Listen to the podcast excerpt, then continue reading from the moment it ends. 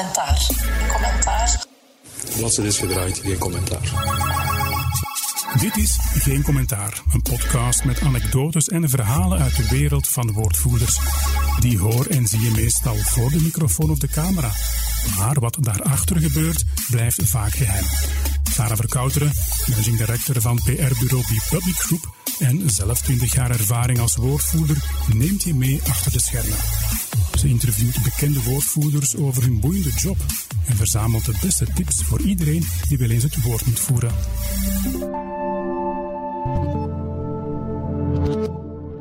Nederlandse journalisten zijn veel directer in taalgebruik in de omgang, enerzijds, maar anderzijds ook veel formeler. En dat vraagt gewoon een andere aanpak. Mijn gast vandaag is Johan Bresleers. Johan is woordvoerder van North Sea Ports, het havenbedrijf dat vijf jaar geleden de Nederlandse havens van Terneuzen en Vlissingen en de haven van Gent samenbracht. Johan startte 14 jaar geleden als communicatieverantwoordelijke bij het havenbedrijf Gent. Maar sinds de fusie kwamen daar dus ook twee Nederlandse havens bij. Als woordvoerder werkt hij dus grensoverschrijdend. Uiteraard in de positieve zin van het woord. Welkom, Johan. Ik kondig jou aan als woordvoerder van North Port, maar toen jij als communicatieverantwoordelijke begonnen bent hè, bij de haven van Gent, stond dat eigenlijk niet in je jobomschrijving. En toch ben je het geworden. Zelfs persrelatie stond uh, helemaal niet in het begin uh, op de lijst van de Okay. activiteiten. Ik ben eigenlijk binnengekomen 14 jaar en een half geleden bij het havenbedrijf Gent om vooral op interne communicatie te werken. Dat was de hoofdopdracht. En dan na een jaar, anderhalf jaar, is daar eigenlijk ook gedeeltelijk externe communicatie bijgekomen. En en route persrelaties. En dan binnen een paar jaar word je ja, de spok genoemd, de woordvoerder, zonder dat je dat weet. En dan besef je dat die buitenwereld plots toch wel helemaal anders naar je kijkt dan oorspronkelijk de bedoeling was. En je bent dan ook wel officieel woordvoerder geworden op een bepaald moment. Wel, je doet dat gewoon en je neemt dat bij je taken. Ja. En dan begint dat uit te groeien en groter te worden. En plots begin je heel veel inhoud te verzamelen en proactief te werken. En voor je het echt weet, zit je op dat stoeltje en heb Ja. je dat petje van woordvoerder op. En dan pak je dat gewoon vast en dan ga je door totdat er eh, is bij een herstructurering het woord eh, woordvoerder tevoorschijn komt. En dan staat dat plots op een naamkaartje. Maar het ligt je wel, eh, want je bent er eigenlijk een beetje ingerold als ik het zo hoor. Maar het is wel iets waarvan je zegt van ja, ik vind het eigenlijk wel een fijne rol, ik vind het een fijne verantwoordelijkheid. Ja, ik vind het eigenlijk echt wel fijn. Ik denk, als je het niet fijn vindt, houd je dat ook niet lang uit. Mhm. Eh, om te beginnen moet je heel goed bereikbaar zijn, maar ook beschikbaar. Ja. Je moet een heel goed netwerk hebben, intern, maar vooral in mijn geval extern met overheden en bedrijven. Dus je moet het echt wel graag doen om het vol te houden. Plus ja, je bent ook 24 op 7 eigenlijk bezig. Het stopt nooit. Mhm. Ja, klopt. En herkenbaar voor de vele woordvoerders die luisteren. Ja, je bent eigenlijk lang communicatieverantwoordelijke slash woordvoerder geweest voor haven van Gent. Plots komen daar dan de haven van Vlissingen en Terneuzen bij. Dus je wordt ja, hè, de woordvoerder van heel het havenbedrijf Noordseaport. Dat wil ook zeggen woordvoerder ten aanzien van Nederlandse journalisten. Hoe verschillend is dat werken, Belgische journalisten en Nederlandse journalisten?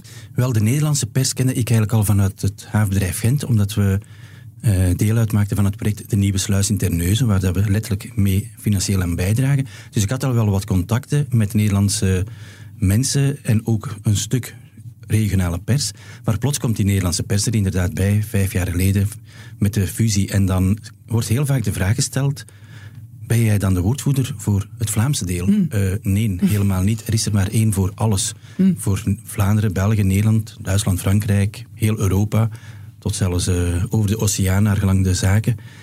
Dus dan merk je plots van dat het speelveld echt wel heel uitgebreid wordt. In plaats van een half havengebied, niet een heel havengebied, maar gewoon de omringende landen zelfs. En dat is toch ook wel plots een hele andere setting, Ja. een hele andere klasse. We hebben wel eens gezegd, met de fusie spelen we plots als nummer 10 van Europa in de havenstand. Ja, we spelen plots in de Champions League, maar qua woordvoering is dat eigenlijk een beetje gelijkaardig. Ja, ja. Woordvoerder in de Champions League. Dat is een mooie. En zie je dan effectief een verschil? Want je werkt met heel veel verschillende journalisten van verschillende landen samen. De eh, meeste luisteraars van de podcast hè, werken met de Belgische journalisten, kennen de Belgische journalisten goed. Wat is nu het grootste verschil met werken met de Nederlandse journalisten? Of is dat vrij gelijkaardig? Mijn ervaring, mijn beperkte ervaring, of liever mijn eigen ervaring. Nederlanders zijn in taalgebruik en in ontmoetingen toch veel directer dan Vlamingen. Ehm, ook soms wat brusker naar Vlaamse gevoeligheden. Ook al is dat helemaal niet correct. Dat, dat is helemaal vaak niet zo bedoeld. En je merkt aan persrelaties toch ook, is mijn beleving. Vragen zijn soms veel directer, harder. Standpunten worden toch veel extremer uitgelokt. Dus dan moet je toch een beetje op je hoede zijn van wil ik dit echt wel op zo'n extreme manier beantwoorden of niet. Ehm, en daar moet je toch wel een beetje inrollen en een beetje aandacht voor hebben. Anderzijds, de honger naar informatie is even groot aan de Nederlandse zijde als aan de Vlaamse zijde. Dus die rol neemt pers eigenlijk aan de Nederlandse kant even goed op als aan de Vlaamse kant. En respect is er sowieso aan beide kanten van de grens, absoluut. Ik heb eigenlijk in mijn verleden ook wel ervaren dat Nederlandse journalisten wat formeler zijn. Ehm, in de zin van, het is altijd mijn, mijn gevoel geweest dat bij Bel- Belgische journalisten je ook een beetje ja, tussen pot en pint toch wel wat afspraken kan maken. Dat er toch heel wat informele gesprekken plaatsvinden. Heel veel off-the-record informatie dat bij Belgische journalisten zit dat ze eigenlijk nooit gaan schrijven. Kan je datzelfde doen met Nederlandse journalisten of is dat toch inderdaad een wat formelere manier van werken? Wel tussen pot en pint. Aan de Nederlandse kant is het dan al sneller van, zullen we even een kopje koffie gaan drinken? Letterlijk. En dan weet je dat het eigenlijk een informeel gesprek wordt. Maar mijn beleving is toch inderdaad door de afstand, het meer formele aspect, dat wat je zegt ook wel gebruikt wordt, of toch sneller wordt gebruikt dan aan Vlaams kant. Aan Vlaams kant kan je echt gewoon letterlijk iemand op café tegenkomen en een aantal zaken toelichten, duiden, zonder dat dat wordt gebruikt. Mijn beleving is dat het aan de Nederlandse kant toch wel iets formeler is en dat je daar toch wel aandacht moet aan schenken. Dus toch wel enige voorzichtigheid als Vlaming dan Ja. is toch wel eh, geboden, denk ik. En heb je zoiets meegemaakt dat je kan vertellen? ehm, ja, dat je iets verteld hebt inderdaad eh, op, op, op, op informele basis dat dan toch plots Wel een anekdote. In de aanloop van de fusie hadden we gepland dat voor de zomer 2017 zal het dan geweest zijn, eigenlijk eh, de aandeelhouders de nodige handtekeningen zouden zetten om eigenlijk die fusie eh, effectief wel formeel een stap verder te laten vorderen. Door planningen van mensen in vakantie lukte dat niet om dat gedaan te krijgen in het begin van die vakantie. Dus werd dat eigenlijk op het einde va- van de vakantie gepland. En er was een journalist die had dat netjes in zijn agenda en zijn planning gezet. En ik heb daar gewoon letterlijk gezegd, voor je eigen planning, voor je agenda, onthoud, het zal eind augustus zijn. Zaterdags een hele mooie titel in dat heel gerenommeerd dagblad. Fusie twee maanden uitgesteld. Oei, oei. Nu ja, dat klinkt wel helemaal anders dan wat ik gezegd heb. Nu, in het artikel klopt het wel wat ik ook gezegd heb, maar die titel is wel zeer ronkend. Ik kan je dan garanderen dat aan de Nederlandse kant toch wel i- iemand de telefoon heeft gepakt en hij heeft gezegd, meneer Bresleers, dit klopt toch niet? Nee, helemaal niet. Wees volgende keer toch maar iets voorzichtiger en iets formeler. Dus dit was ongeveer mijn entree bij het fusiebedrijf van Van La Lettre en persrelaties. Maar je bent er nog. Ja, ik ben er nog, helemaal. Dus woordvoerders mogen ook een keer iets voor hebben, zal ik Ja, op zich waren er natuurlijk geen eh, potten meegebroken, om het op zijn Vlaams te ze- zeggen. Maar het is ja, aldoende heel vaak een leerschool. Hè. Wat kan wel, wat kan niet, is een beetje aftasten. Want je hebt sowieso een vertrouwensrelatie met journalisten, en dat is maar goed ook.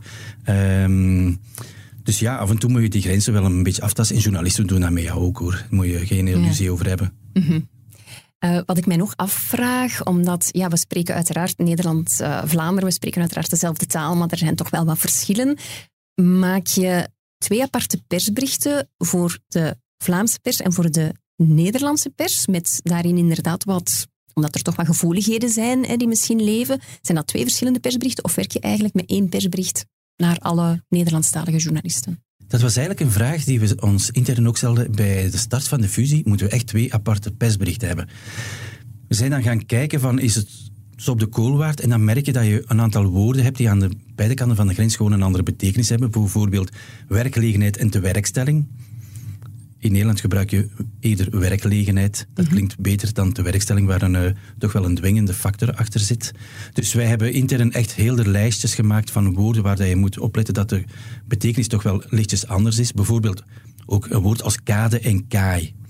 Vlaams kant spreken we over een kaaimuur, in Nederland over een kademuur. Ik betrap me er zelf op dat ik, de- dat ik het eigenlijk al door elkaar gebruik.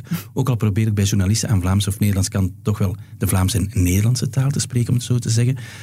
Maar dan hebben we uiteindelijk besloten om dat niet te doen en gewoon op te letten van welke bewoordingen kan je dan niet gebruiken of welke net wel.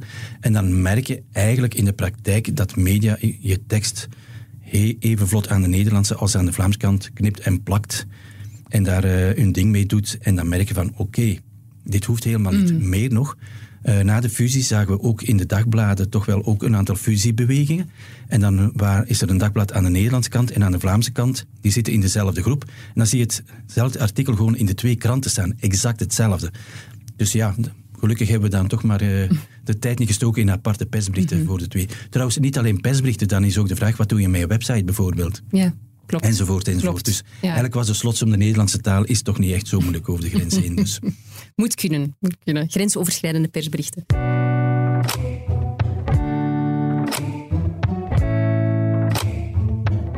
Ik heb zelf de fusie meegemaakt tussen uh, de persgroep Publishing en Medialaan. En de zoektocht naar een nieuwe naam was, om het uh, proper uit te drukken, een kleine uitdaging. Die is er uiteindelijk wel gekomen. Hè. Dat is dan DPG Media geworden. Maar daar, ja, daar, is toch, uh, daar zijn heel veel vergaderingen aan vooraf gegaan. Hoe is dat in godsnaam gelukt met North Seaport? Want ik kan me voorstellen, hè, verschillende betrokkenen, verschillende stakeholders over twee landen heen. Ja, hoe zoek je dan een nieuwe naam? En is er dan direct draagvlak voor die nieuwe naam? Wel, dat is inderdaad een hele klus geweest. Hè. Um, je moet weten, havens in West-Europa hebben eigenlijk een eeuwenoude geschiedenis die ontstaan letterlijk uit steden. Hè. Haven van Antwerpen, Rotterdam, Amsterdam, mm -hmm. noem maar op. Heel Europa zit zo in elkaar qua havens. En plots heb je haven Gent dat fusioneert met Zeeland Seaport. Dat eigenlijk duidt op een regio, ook al een fusiebeweging van twee havens, Terneuzen-Vlissingen, pakweg tien jaar eerder. En dan moet je gaan kiezen, ga je een aanpakken naar een regio, helemaal in het zuidelijkste punt van Nederland. Regio die ook niet echt gekend is mm -hmm. buiten de regio zelf, wel in Vlaanderen natuurlijk, want we gaan met z'n allen graag naar zee aan Katzand en in Breskes. Maar dat is een moeilijke. Dus een stad en een regio, dat bekt niet. En dan kom je ook tot gigantisch lange namen. Laat staan dat je ooit een URL kunt hebben die je ook maar kan uitschrijven. Dus dan kom je tot een afkorting die niemand begrijpt. Dus dat was het al snel niet. Dan kan je zeggen iets heel fancy. Uh, helemaal ver weg in het kwadrant, zoals we dat dan zeggen, op een XI, als bijvoorbeeld genre Apple. In het begin dacht iedereen, Apple, wat een raar merk is dat. Intussen weet iedereen heel goed wat het is. Computers en andere devices. Maar dat leek ons dan weer te vergaand om... De acht aandeelhouders moesten daar ook over instemmen. En het publiek, of tenminste ook de commerciële wereld, politieke wereld, omgeving, bewoners, moet wel begrijpen waar het over gaat. En dan hadden we uiteindelijk toch een lijst met dan uh, North Seaport als nummer één, en ik zeg uitdrukkelijk North Seaport zonder S. Mm -hmm. Het is geen amalgaan van twee of drie havens, maar we kijken echt naar de toekomst op dat moment als één havengebied. 60 kilometer lang van Vlissingen, Terneuzen tot Gent, over die grens heen. Mm -hmm. Als zijnde dat die grens eigenlijk niet meer bestaat. Nu, eeuwenlang is het ook één economisch gebied trouwens. Je moet weten, Willemijn heeft de, niet enkel de Universiteit van Gent opgericht, maar ook het kanaal tussen Gent en Terneuzen gebouwd. Dus er is wel een hele economische activiteit. Mm -hmm. Dus het werd North Seaport. En dan zijn we daarmee gestart. Maar dat is natuurlijk een baby die op de wereld wordt gezet, die niemand kent. En dan moet je daar natuurlijk ja, dat merk gaan positioneren. Ja. En dan heb je twee strategische plannen die op elkaar worden gelegd, die voor 80, 85 procent wel matchen. Maar eigenlijk heel veel tijd om dat allemaal in ja, kan en kruik te hebben. Al voordat je begint, was het nu ook weer niet. Um, dus aldoende hebben we dat echt wel gedaan om dat merk, ja, die merkidentiteit uit te bouwen in de regio, lokaal, nationaal, een stukje Europees ook, maar zeker op commercieel vlak en ja. politiek vlak ja. is dat wel zeker gelukt. Ja. Zeg, en ik heb zo horen waaien dat er op een gegeven moment uh, de nieuwe naam bijna gelekt was of zo? Of hoe zit dat verhaal juist in elkaar? Wel, het is uh, niet, niet, echt gelekt, maar je weet, als je zo in... Uh, we waren met een groepje van zes, zeven mensen. Mensen van een communicatiebureau, twee mensen van uh, Zeeland Sipors en dan twee van, uh, no, van Haven Gent destijds nog, waaronder ik zelf, die het genoegen hadden om eigenlijk die naam uh, te zoeken. En je weet hoe dat, dat gaat. Je hebt dan zo'n mailgroepje en je tikt die voornamen in en voordat je het weet is je mail weg. Totdat dan plots een kwartier later iemand belt. beste vriend, er zat blijkbaar iemand in de mail die, het, die er niet thuis hoort. Want het was een mail met echt de pro's en de contra's van wat de naam North Seaport zou zijn. En dan bij nader orde bleek dat een uh, journalisten te zijn. En dan, ja, zit lichte paniek natuurlijk. Je zit daar dan s'avonds om half zes, zes uur alleen op je bureautje. En dan stelt zich de vraag, wat nu? Want dat heb je nog nooit gedaan natuurlijk. Uh, ja, uh, direct mijn Nederlandse collega opgebeld. Communicatiemanager, even toegelicht. Wil jij dan ook met de Nederlandse CEO bellen? Want die kennen die eigenlijk ook nog niet echt. Ik had die -hmm. nog maar twee, drie keer gezien op een meeting, enkele meetings. Naar mijn CEO gebeld, die direct zei, ja, dat overkomt iedereen wel eens, maar doe dat nooit meer. Ja, uiteraard liefst niet. Dus ja, so far so good. Uiteindelijk contact gehad met de journalist. Eh, na veel vijf en zessen is het antwoord, ja, de deontologie laat niet toe dat we dat gebruiken. Maar you owe me. ja, die boodschap was dan ook natuurlijk weer duidelijk. Maar eigenlijk is de slotsom, het is maar goed dat je dan toch wel al goede perscontacten hebt en goede relaties om zoiets toch ook niet de deur te laten uit, uitgaan. Want het zal ons maar overkomen, mocht het gepubliceerd zijn, ja, dan hadden we echt wel een probleem. Ja. Want ja, we wilden die naam echt wel. Die was ook al gedeponeerd en al, dus ook die dingen waren allemaal uitgezocht. Ehm, dus dan hadden we echt wel een gigantisch probleem. Ook al hadden we gezegd, als je het publiceert, dit zal hem nooit worden. Dat was natuurlijk een beetje hoogdravig, maar ja, er zat ook niks anders op. Dus ja, het overkomt iedereen wel, eens, wel denk ik. De, iets de deur uitsturen dat helemaal niet bedoeld was. Maar dan prijs je toch wel gelukkig dat het werk van al die jaren ervoor je toch ook wel wat opgeleverd heeft. Ja. Dus Dus zo far so goed. Ja, en ook inderdaad wat dat je zegt, de, ja, eigenlijk een heel goed voorbeeld waarbij dat effectief je netwerk dat je opgebouwd hebt en dat je al jaren opgebouwd hebt, echt wel rendeert hè, op dat moment. Het Ja, dat het is, je echt, afspraken kan ja, maken. het is echt wel het netwerk dat je moet opbouwen Ja. doorheen de jaren. En heel veel aan- aandacht schenken aan journalisten. En paraat staan en antwoorden geven op het juiste moment. En op termijn renderen die relaties Mhm. ook wel. Ook op het moment dat je iets niet kan beantwoorden, kan je zeggen, ik, ik bel binnen twee uur terug, moet het uitzoeken. Of van, het past me heel even niet, punt. Als je elkaar een beetje kent, dan weet je dat ook. Ja, even eh, gerust laten, komt wel goed. Dus ja, op dat netwerk leun je wel op zulke momenten, Ja. absoluut.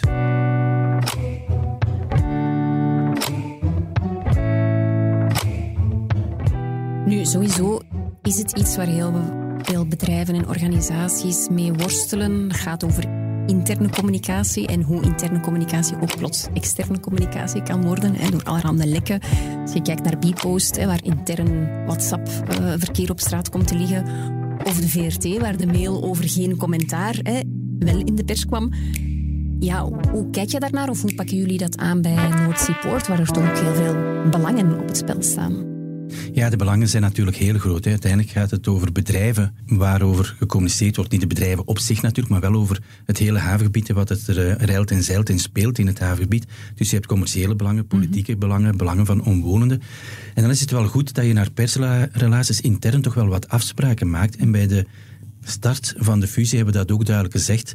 Um, er is één aanspreekpunt voor pers en media en dat is Johan. Werd intern ook gedeeld. Dat moet je wel heel vaak herhalen intern, omdat mensen ook niet altijd enig besef hebben van wat betekent dat, omdat ze daar ook niet in zitten. Maar je moet er geen tekening bij maken. Ja, mensen worden gecontacteerd door journalisten via LinkedIn of gewoon via WhatsApp of komen een journalist tegen op een beurs. En dan moet die reflex wel ontstaan van oké, we hebben wel een woordvoerder, iemand die de persrelaties behartigt.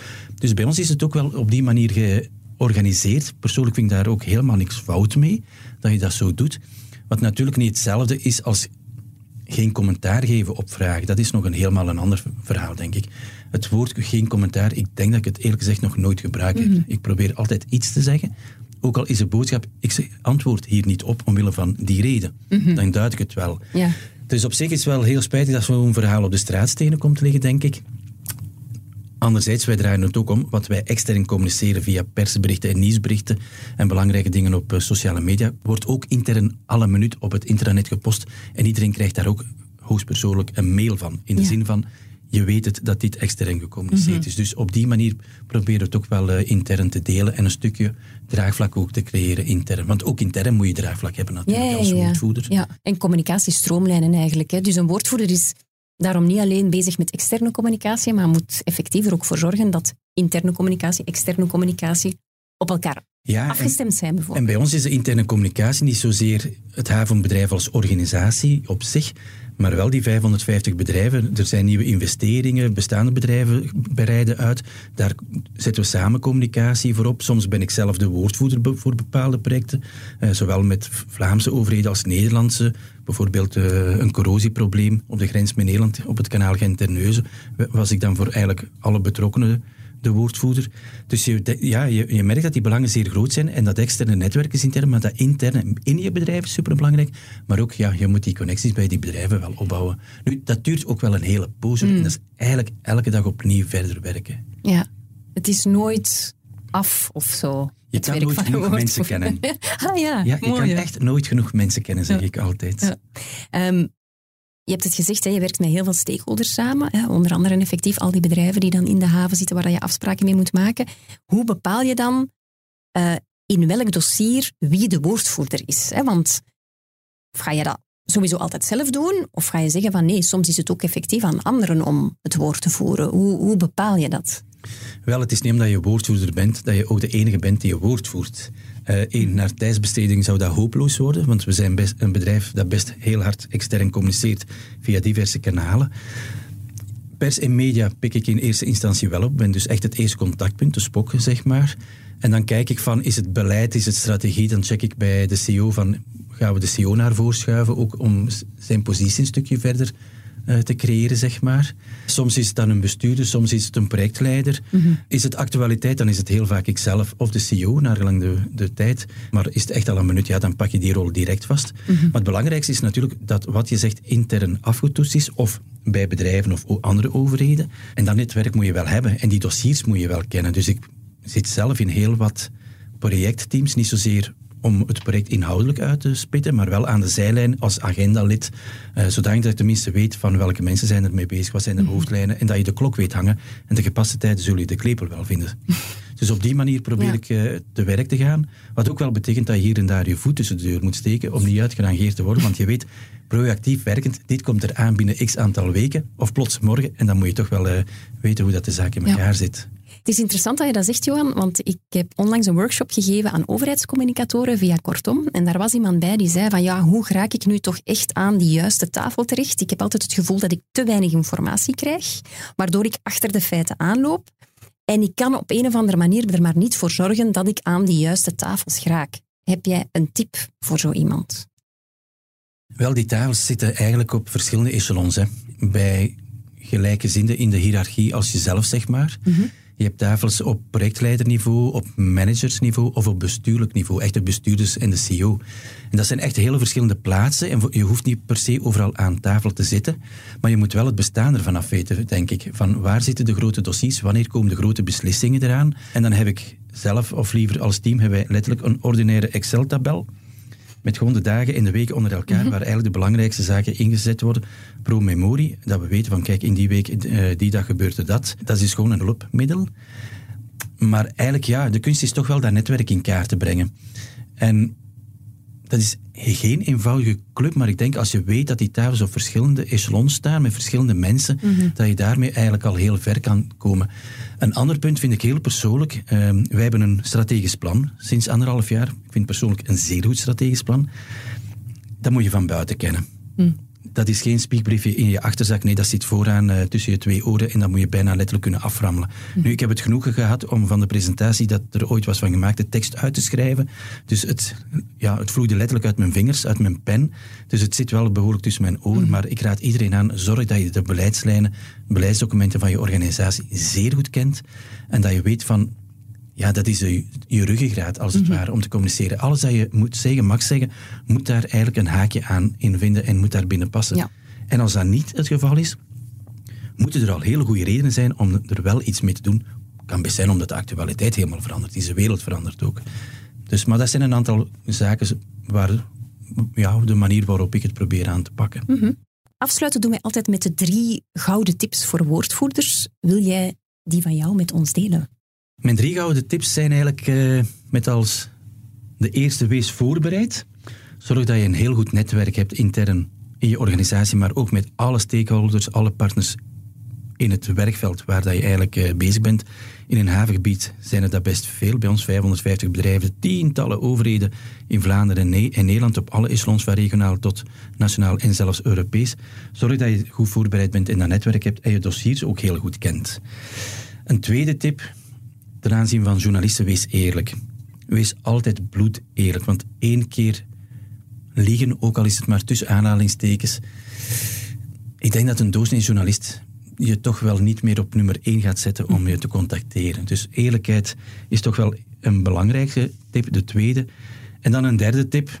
Een hoogst persoonlijke. Knijp toch eens af en toe in je arm om heel goed te beseffen op welk stoeltje dat je zit. Niet enkel de rol die je moet vervullen, maar eigenlijk ook om te ervaren van, ja, dit is eigenlijk toch wel best een heel leuk petje om op je hoofd te hebben en een hele leuke wereld om in te vertoeven. Hele mooie om mee af te sluiten. Uh, Johan, ik onthoud uit dit gesprek dat je nooit genoeg mensen kunt kennen. Dat je moet oppassen naar wie dat je je mail stuurt. En dat een nieuwe naam altijd miserie is. Bedankt voor dit gesprek. Graag gedaan. Dit was Geen Commentaar, een podcast met anekdotes en verhalen uit de wereld van de woordvoerders. Benieuwd naar meer? Lees het boek Geen Commentaar van Sarah Verkouteren, uitgegeven door Pelkmans. Of ontdek meer tips over communicatie en PR op bepublicgroup.be.